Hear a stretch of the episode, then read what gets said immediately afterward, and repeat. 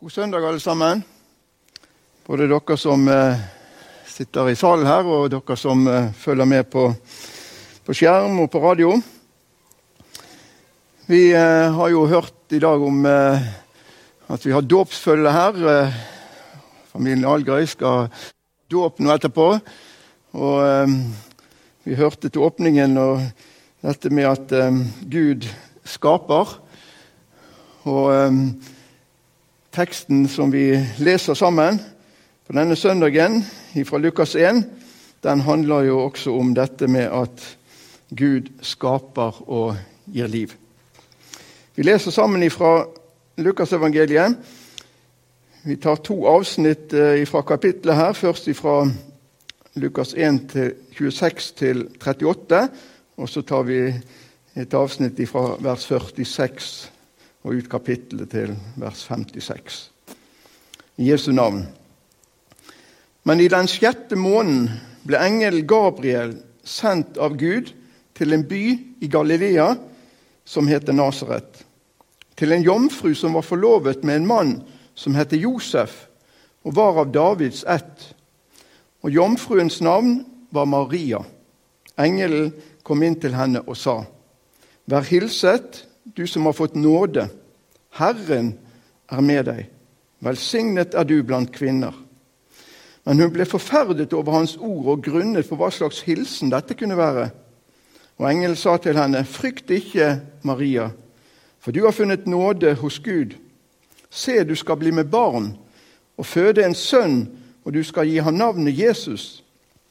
Han skal være stor og kalles den høyeste sønn.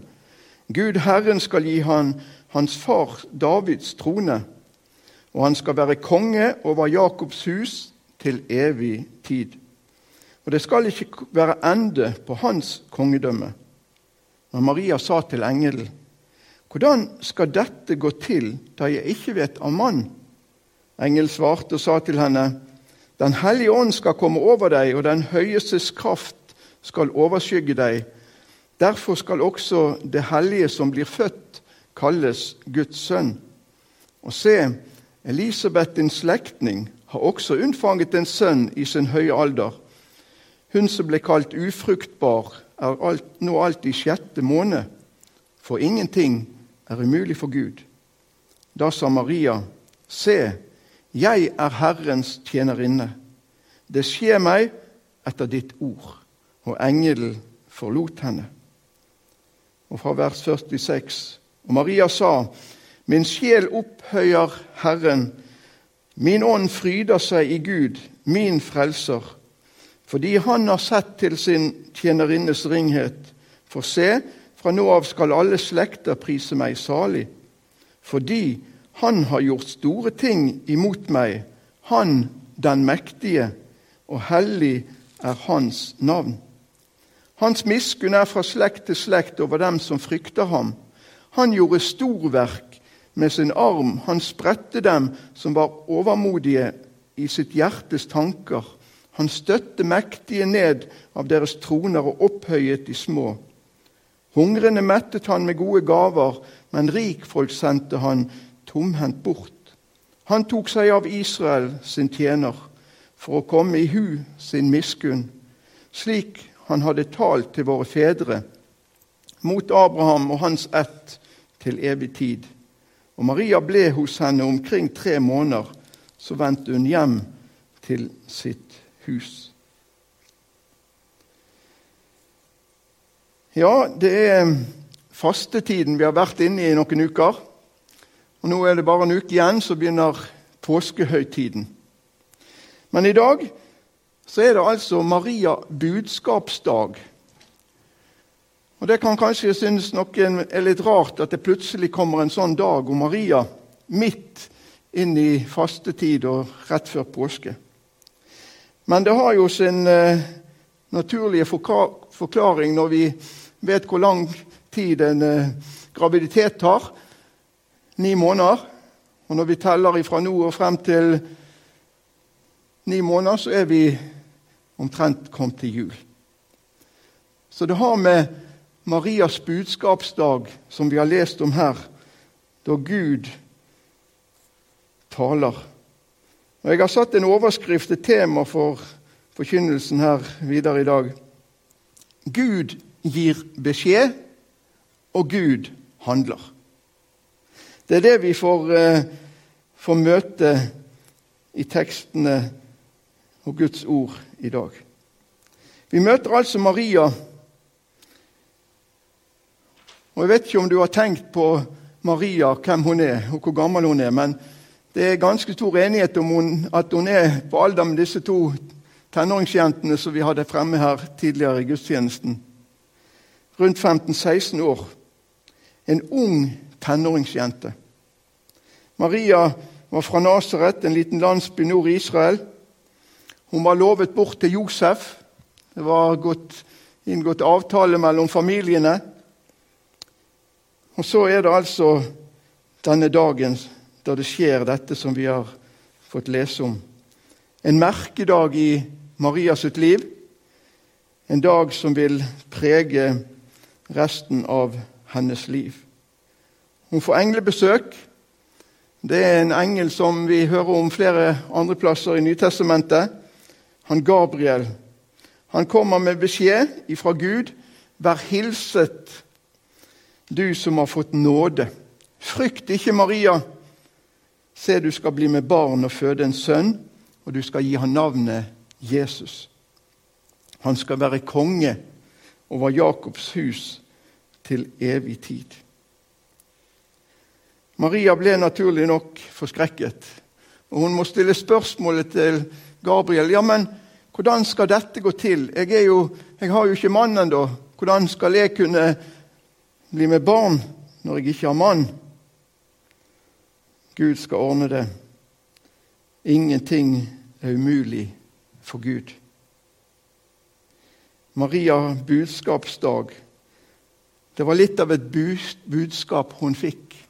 Beskjed ifra Gud.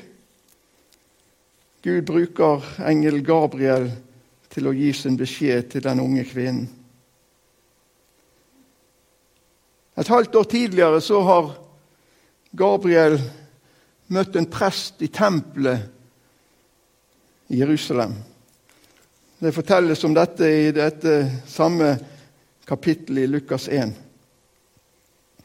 Det er Sakarias som gjør prestetjeneste, og så, når han står der foran røykofferalteret i tempelet, så plutselig så står Gabriel, engelen, foran ham. Og så sier han din bønn er hørt. Du skal få en sønn. Og Saken var den at Sakarias og hans kone Elisabeth, som vi har hørt om i teksten, de var barnløse. De hadde sendt tusenvis av bønner til Herren gjennom årene om å få et barn, om å få en sønn. Men nå var tiden gått fra dem. De var blitt gamle. Sakarias han, eh, han tvilte på at dette kunne gå an. Selv om engelen kommer og sier til ham din bønn er hørt, Elisabeth, din kone, skal bli med barn. Hun skal føde en sønn, du skal gi ham navnet Johannes. Sakarias tvilte. Men Gud gir beskjed, og det skjer. Gud handler. Og så får vi lese her i, i dette kapittelet vers 39 og 40, som vi ikke leste i sted. Men Maria brøt opp i de dager og skyndte seg opp i fjellbygdene, til en by i Juda. Hun kom inn i Sakarias hus og hilste på Elisabeth. Altså etter at, kort tid etter at engelen hadde vært hos Maria og forkynt henne budskapet, beskjeden om at hun skulle bli bærer av Guds sønn ved Den hellige ånd, så er det at hun, hun i hast tar av gårde. Det er snakk om noen to-tre dagsreiser til der hvor Sakarias og Elisabeth bor. Og Der får vi være vitne til et, et sterkt møte mellom to kvinner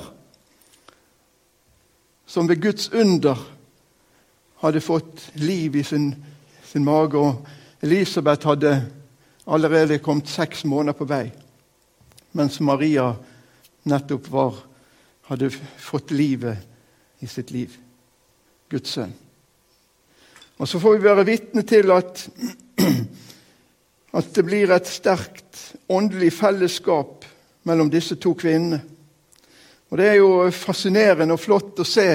Vi snakker om generasjonsmotsetninger, og at denne, denne tenåringsjenten kan møte denne eldre kvinnen, og at de kan få erfare og oppleve å ha det fellesskapet der de får lov å være inne under Guds ledelse med sine liv.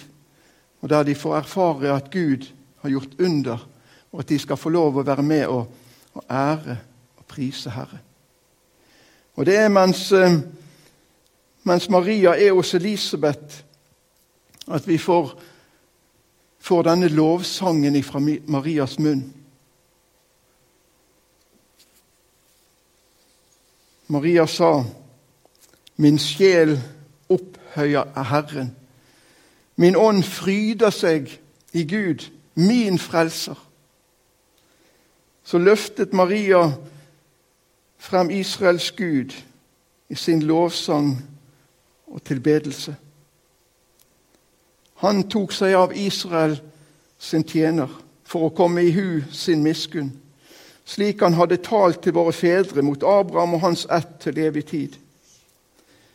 Gud hadde gitt beskjed til Abraham lang tid foran om at han skulle bli stamfar for et stort folk. Guds eiendomsfolk i denne verden. Gud gir beskjed, og Gud handler. Så skjer dette Guds ord. Og så vokser dette folket frem. Og så kommer en til den tiden når Gud ser at nå var tiden inne til også det han hadde lovt, at barnet skulle fødes. Jomfrufødsel. Noen er tvilende til at det virkelig kunne være en jomfrufødsel som skjedde med Maria. Det er jo helt imot naturen.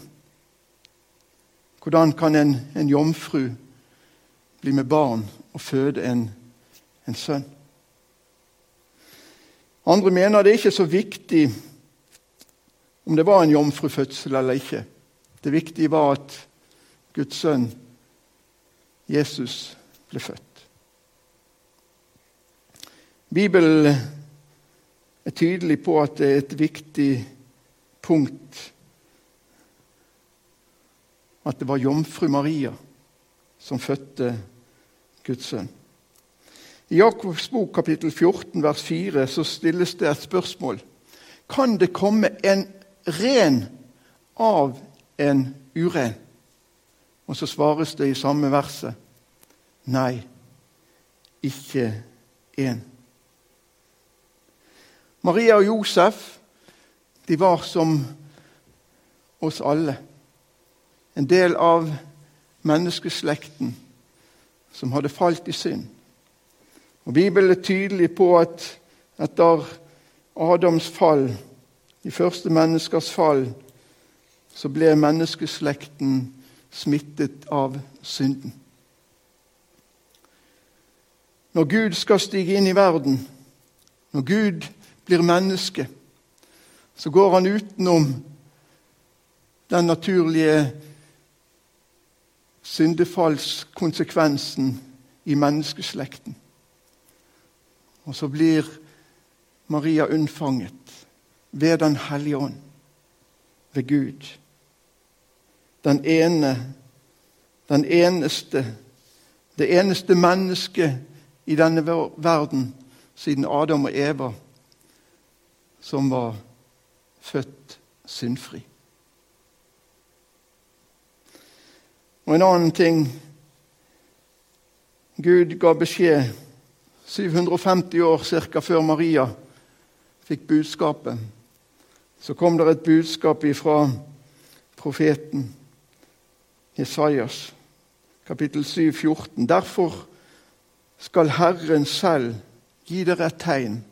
Se, jomfruen skal bli med barn, og hun skal føde en sønn. Gud gir beskjed, og Gud handler på sitt ord. Maria Jeg kan ikke se i Bibelen at det er grunnlag for at vi skal dyrke og tilbe Maria. Men jeg ønsker å løfte frem Maria som et forbilde for oss.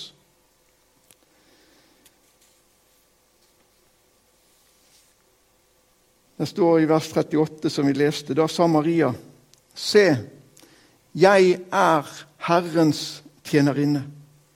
Det skjer etter ditt ord.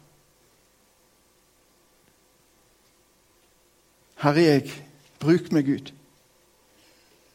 Jeg forstår ikke hvordan dette skal skje. Jeg er overveldet av budskapet fra engel Gabriel. Men Herre, jeg vil være en som tjener deg.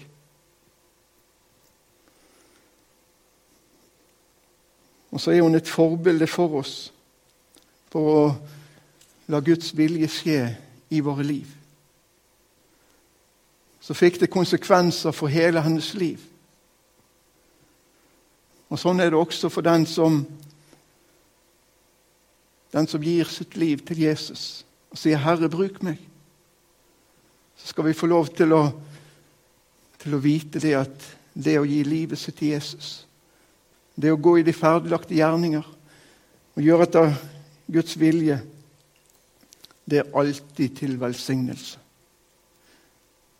Ikke alltid det enkleste valget i livene som vi kan gjøre, men alltid det beste og det som gir oss størst velsignelse som mennesker på jord. Maria gir Gud æren.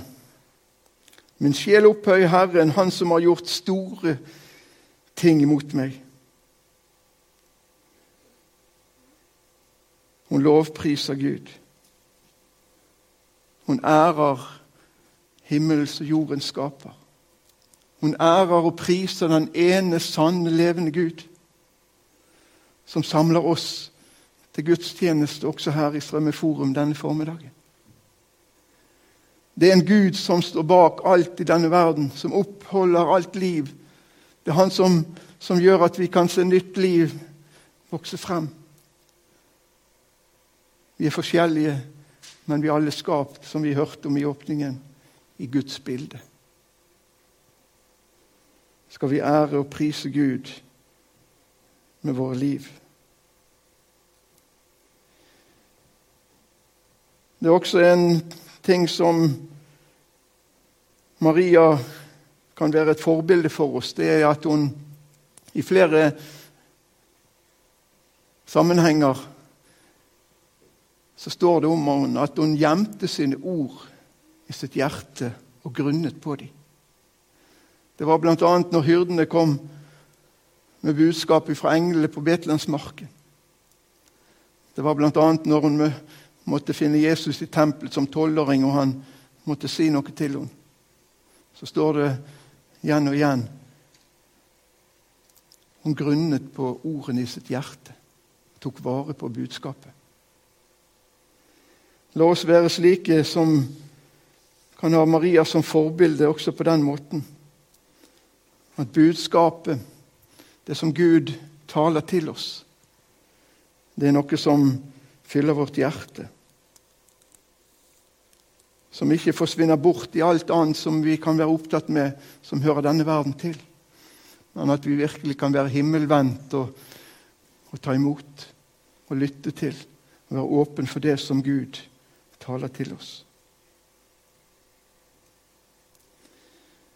Det siste vi leser om Maria i Nytestamentet, det står i apostelgjerningene kapittel 1 vers 13 og 14.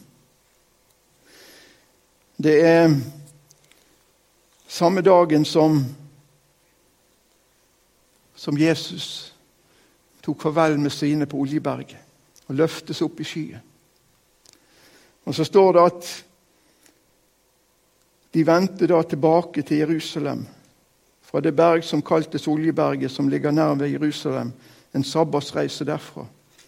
Og De kom inn i byen, og de gikk opp på den øvre sal hvor de pleide å holde til. Og Så står det navnet på alle disiplene. Og så står det videre Alle holdt sammen og var utholdende i bønnen, sammen med noen kvinner og Maria, Jesu mor. Maria var der sammen med de andre disiplene etter at Jesus hadde tatt farvel og reist til himmelen. Så er Maria et forbilde for oss. De holdt, de holdt trofast sammen. De holdt sammen og var utholdende i bønn.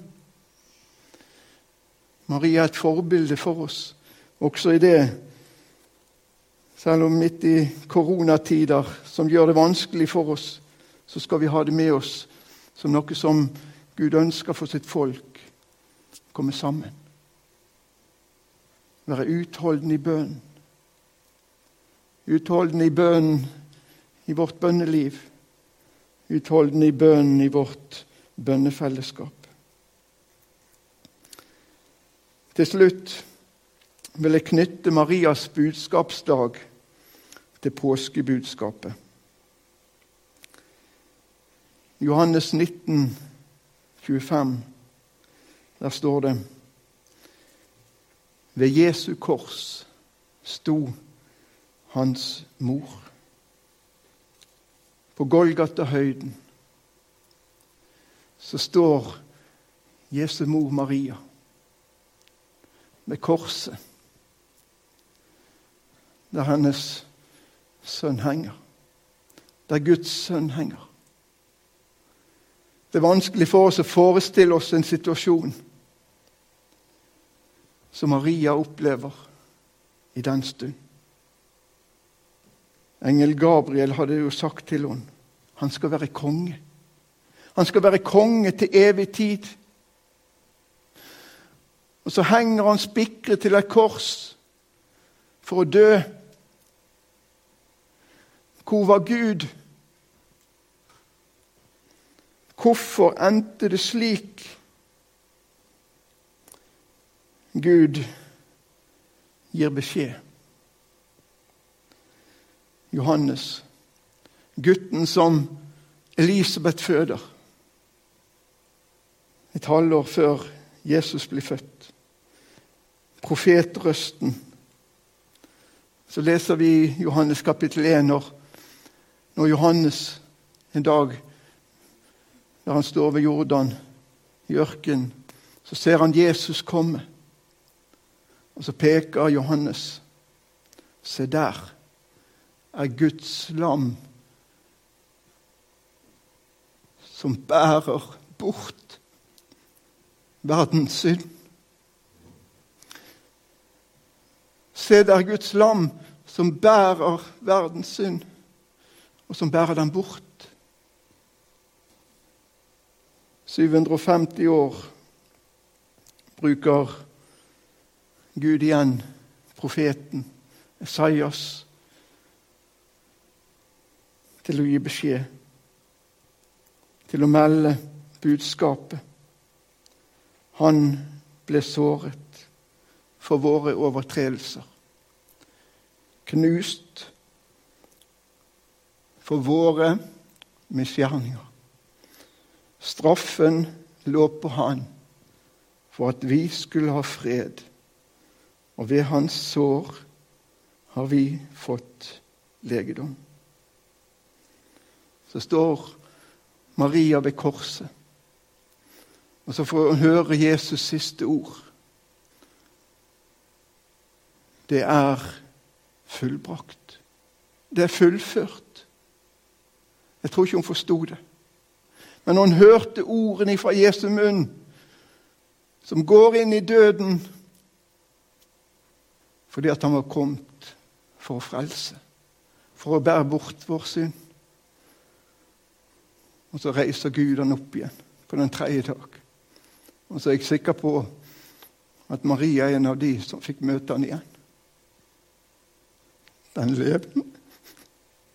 Den oppstandende Jesus Kristus. Min frelser.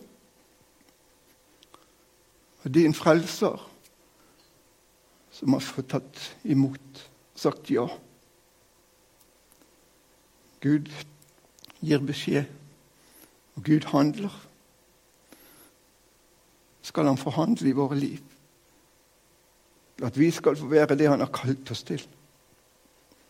Slik som en Maria så lot Gud forhandle i hennes liv og gjennom henne til å gjøre sitt verk i denne verden. Vi ærer deg, Herre. Du den ene sanne, levende Gud. Du som har talt fra første tid ved å skape lyset, ved å gi livet til de første mennesker.